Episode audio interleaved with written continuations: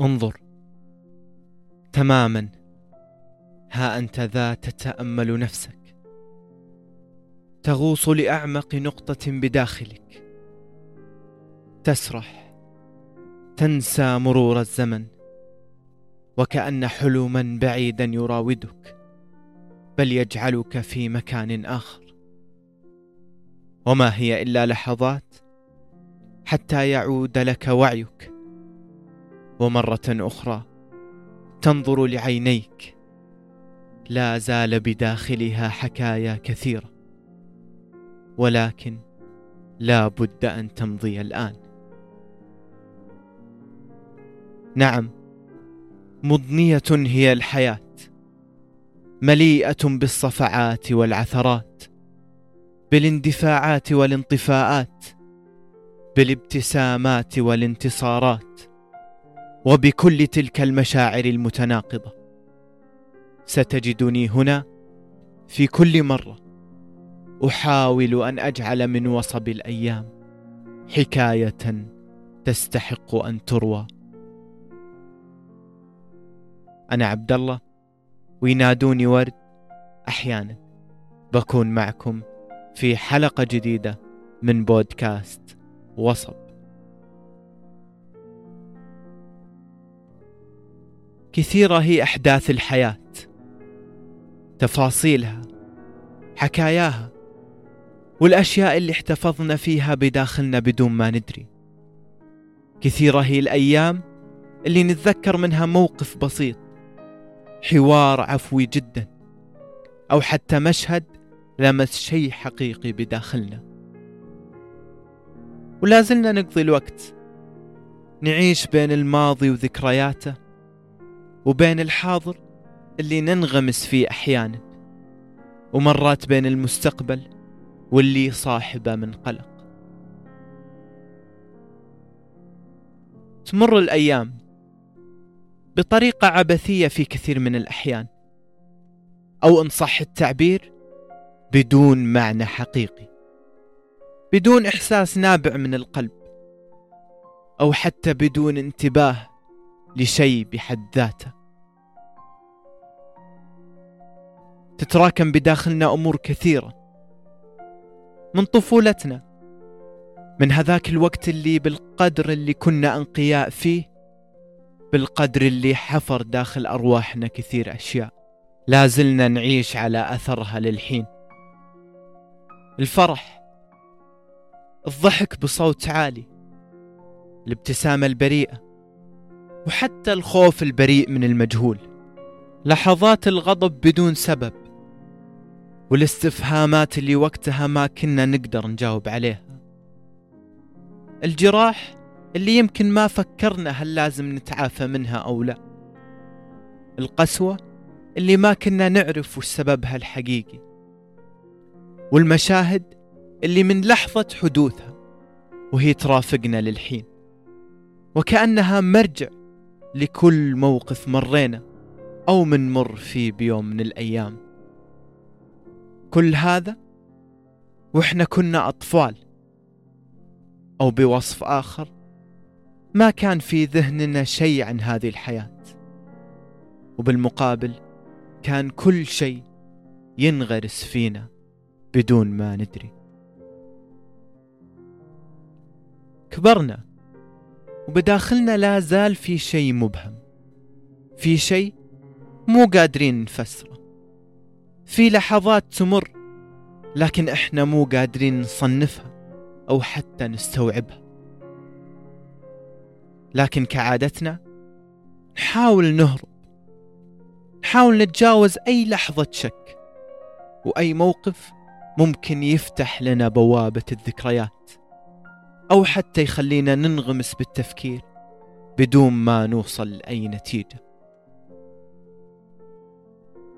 للأسف لفترة معينة أغلبنا عاش بالطريقة هذه مغيب عن السبب وفي ذات اللحظة قاعد يتعامل مع النتيجة.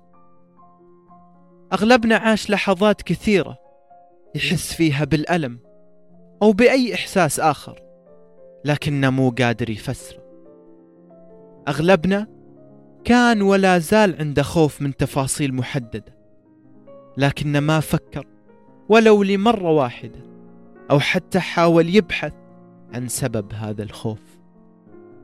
أغلبنا فقد أمور كثيرة في حياته وفي بداياته تحديدا لكنه ما يدري إنه فقدها ويمكن حتى ما أدرك إنه فعلا يفقد شيء معين وإن هالإحساس الغريب اللي يرافقه دائما له فعلا مرجع واقعي وله فعلا ارتباط بجزء من حكايته.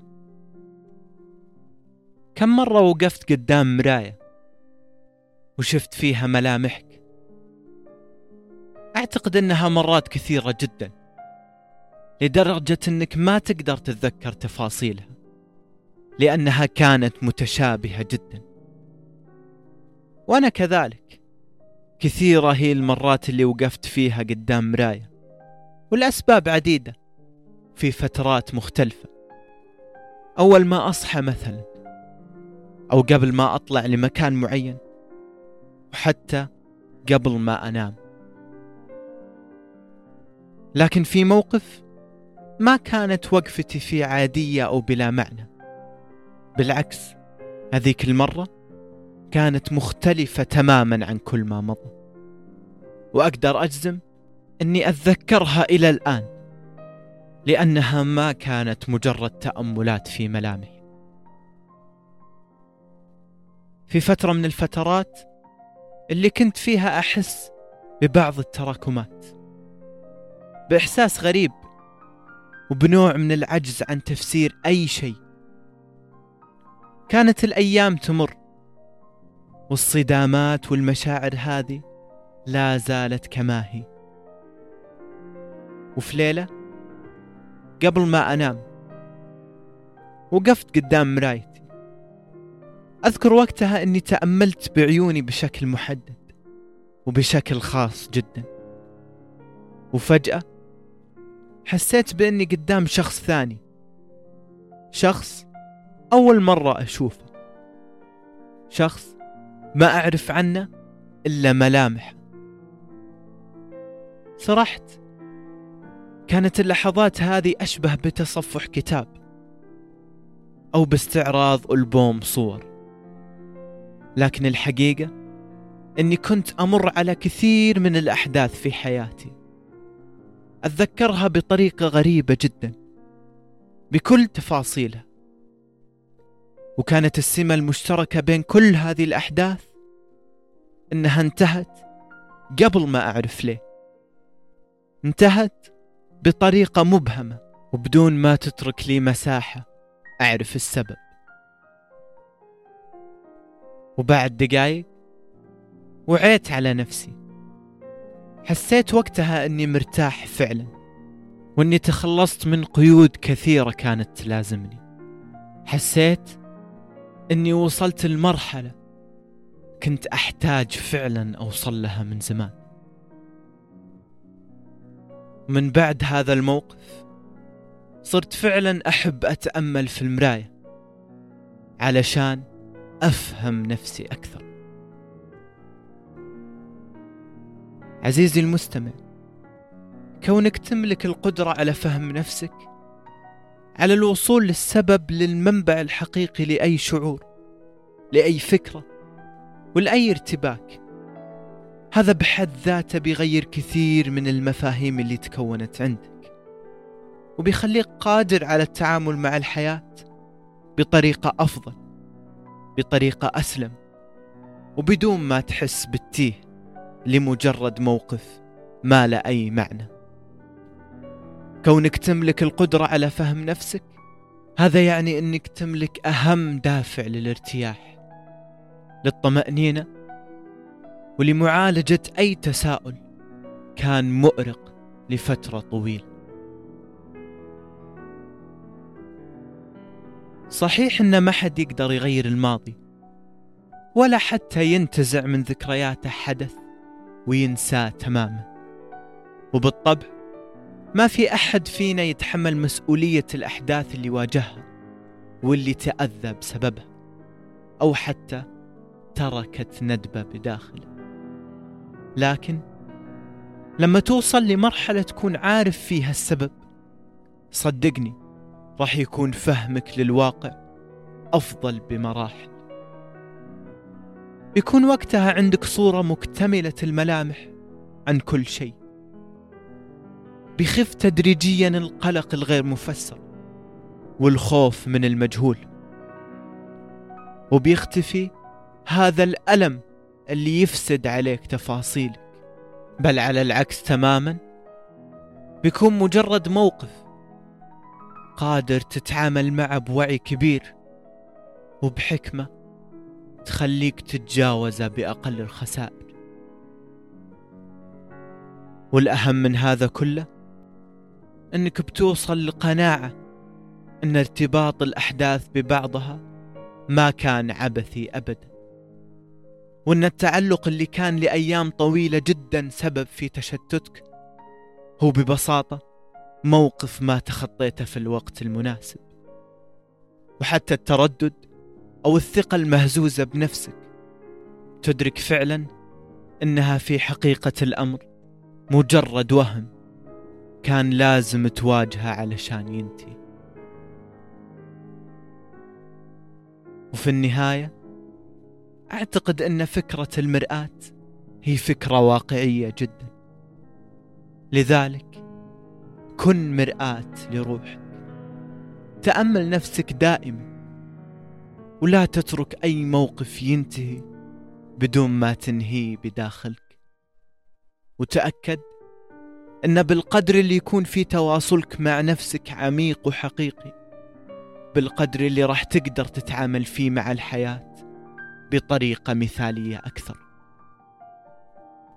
وقبل ما أختم عزيزي المستمع لا تنسى أبدا أنك تكون متصالح مع ما مضى وأنك تتقبل كل شيء بدون ما تلوم أحد.